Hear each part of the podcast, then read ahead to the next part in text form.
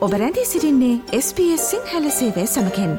වැඩිතුර තොරතුර දැනැනීමට පිවිසන්න ps.com.ta/ Sinhala වෙපඩවයට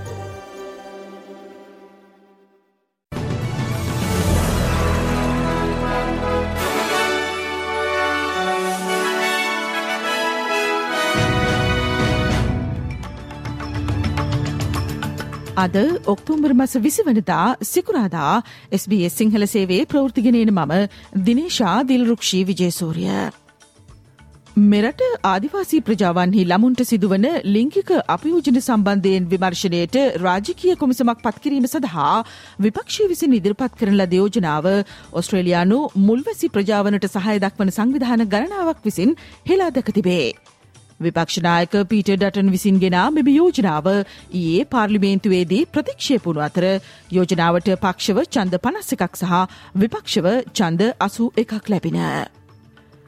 වර්තමානයේ මෙරට උද්ගතව ඇති කුලි නිවාසහිගේ මධ්‍යයේ කුලි නිවසියන් ඉලක්ක කරගත් දේපල සම්බන්ධ වංචා ඉහළයමින් පවතින බව The Real State Institute of Australia ආයතනය අනතුරුවංගවයි. අන්තර්ජාලය ඔස්සේ ප්‍රධාන වශයෙන් ක්‍රියාත්මක මෙවැනි වංචා සහගත ක්‍රියා විශේෂයෙන් ජාත්‍යන්තර සිසුන් ඉලක්ක කොටගෙන ක්‍රියාත්මක වන බවට තොරතුරු ලැබී ඇතැයි නිව සෞත් වේල්සි ජනවාර්ගික ප්‍රජා කවුන්සිලේ සභාපති පීට ඒසැල් සඳහන් කරයි. Students from their, from their language group or from their communities are being scammed into fake rental accommodation. Often that they're being put into unsafe rental accommodation arrangements. and um, uh, or crammed together into uh, a space that's not suited for the number of people that are there. And uh, often it's in our larger cities, so Sydney or Melbourne, and um, the students, the, the individuals involved, often don't know who to turn to. කලාපිය ආරක්ෂාව වෙනුවෙන් වන සාකච්ඡා සඳහා නියෝජ්‍යාගමැති Richard Marles ජපානය කරා ළඟාවේ. ටෝකියෝවේදී ජපාන ආරක්ෂක අමාත්‍ය මිනෝරු කිහාරා විසින් ඊ දිනේදී නියෝජ්‍ය අගමැතිවරයාව පිළිගැනින. ඉන්දු පැසිෆික් කලාපයේ චීනයේ වැඩිවන මිලිටරි ස්තිර භාවය පිළිබඳව වැඩෙන අවධානම් තත්වය මධ්‍යයේ ඔස්ට්‍රේලියාව සහ ජපානය මෙලෙස දවේපාර්ශික මිලිටරි ආරක්ෂක බැඳීම් වැඩිකර ගැනීම කෙරෙහි අවධානය යොමුකොට තිබේ. පසුගේ වසරේ ඔස්ට්‍රේලියාව සහ ජපානය රෙසිප්‍රකල් ඇක්සෙස් ඇග්‍රීමට් නම් වන ආරක්ෂාව සම්බන්ධයෙන් වන අන්‍යෝන්නේ ආරක්ෂක ප්‍රවේශ ගිවිසුමකට අත්සන් කොට තිබේ. ජපානය විසින් ඇමරිකා එක්සත් ජනපදය හැර වෙනත් රටක් සමග අත්සන් කරන ලද එවැනි පළමු ආරක්ෂක ගිවිසුමද මෙය වේ. මෙම ගිවිසුම පිළිබඳව සමාලෝචනය අතිශය වැදගත් එකක් බව සංචාරයට එක්වෙමින් නියෝජ්‍යාගමැති රිචඩ් මාල් සඳහන් කළේය. The reciprocal access agreement um, is very central to uh, the advancement of our relationship. And it's a very significant uh, matter that it has now come into effect. වැඩි පිරිසක් ශ්‍රම බලකායට එකතුවීම හේතුවෙන් සියයට තුනදශම හතක්ව පැවති වෙරකයා අනුපාතය සියයට තුනදශම හයක් දක්වා අඩුවී ඇති බව ඔස්ට්‍රේලයානු සංකැලීකන කාර්යංශය සඳහන් කරයි. සැප්තැම්බර් මාසය තුළදී රැකයා සඳහා මෙරට අලුතින් පුද්ගලයින් හද්දාසක් පමණ ශ්‍රම බලකායට එකතු වී ඇතැයි නවතම දත්ත මගින් පෙන්නුම් කරන බව සංඛ්‍යාලකන කාර්යංශය වැඩිතුරටත් සඳහන් කොට සිටියේ. ඊශ්‍රයිලයේ සහ පලස්තිනය වෙනුවෙන් සටන් වදින හමා සංවිධානය අතර ගැටුම්වල තත්වය අයහපත් අතට හැරෙන බැවින් ඔස්ට්‍රේලයානු රජය ලෙබනනේ සඳහා වන සංචාරක මාර්ගෝපදේශය ඩූනොට් ට්‍රවල් ලෙසට යවත්කාලීන කර ඇත.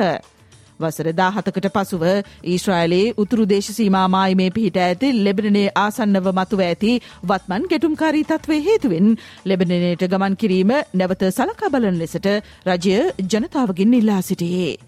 ලෙබනින් සටන්කාමී කණ්ඩායමක් වන හිස්පුල්ලා සංවිධානය මේ අවස්ථාවේදී පලස්තීන හමස් සංවිධානය වෙත තම සහයෝගය පලකොට තිබේ. හිස්බුල්ලා සංවිධානය මෙම ගැටුම ව්‍යප්ත කිරීමට සහය දැක්වුවහොත් ලෙබනනය විනාශ කරන බවට ඊශ්‍රයිල ආරක්ෂක හමුදා තර්ජනය කොට ඇත. මෙම තත්වේ හේතුවෙන් කලාපේ ඔස්ට්‍රේලයානුවන්ගේ ආරක්ෂක තත්වය සම්බන්ධයෙන් රජය දැඩි අවධානයක් යොමු කරන බව විදිශමාත්‍ය පෙනී වොං සඳහන් කරයි. We have today upgraded Australia's travel advice for Lebanon to level 4. Do not travel. This means If you are an Australian in Lebanon, you should consider leaving now if it is safe to do so. Commercial departure options remain available, but this may change with little notice during a crisis. And again, I encourage people to monitor the Smart Traveller website for the latest advice. එක්සත් ජාතීන්ගේ මහලේකම් ඇන්ටෝනිය ගුටරෙස් විසින් ගාසාතීරයේ වෙසෙන පලස්තීනුවන්ට ඉන්දන ආහාර ජලය සහ ඖෂධ සඳහා ප්‍රවේශය පහසු කිරීම වෙනුවෙන් සති දෙකක මනුෂීය සටන් විරාමයක් ඉල්ලා තිබේ. ඊශ්‍රයිල ගුවන් ප්‍රහාර ආරම්භූදා සිට ගාසාතීරයේ මිලියන දෙකාදශම තුනක ජනගහනයෙන් මිලියන එකකට වැඩි ජනතාවක් අවතන් වී ඇති බව පලස්තීන සරනාගතීන් සඳහා වූ එක්සචාතීන්ගේ නියෝජිතායතනය සඳහන් කරයි.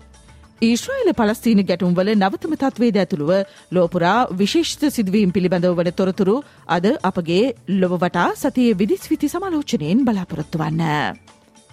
පසුගිය වසරේ ඔස්ට්‍රේලියාවේ පැවැත්වුණු T20 ලෝක කුසලාන තරග සංචාරය අතරතුරදී කාන්තාවකට ලිංගික අතවර කළේ යැයි චෝදනා මත ශ්‍රී ලංකා ක්‍රිකට් ක්‍රීඩක ධනුෂ්ක ගුණතිලකට එරහිව ශ්‍රී ලංකා ක්‍රිකට් ආයතනය විසින් පත් කරන ලද ස්වාධීන පරීක්ෂණ කමිටුව ඔහුට එරහිව පනවා තිබූ තහනම සම්පූර්ණයෙන්ම ඉවත් කිරීමට නිර්දේශ කොට තිබේ.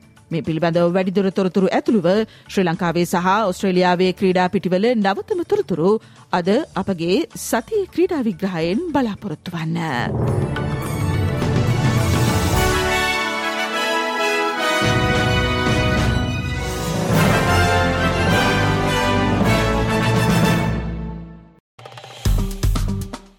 ලයි කරන්න ෂයා කරන්න අදහස් ප්‍රකාශ කරන්න SBS සිංහල ෆස්බුක් පිටුව ෆලෝ කරන්න.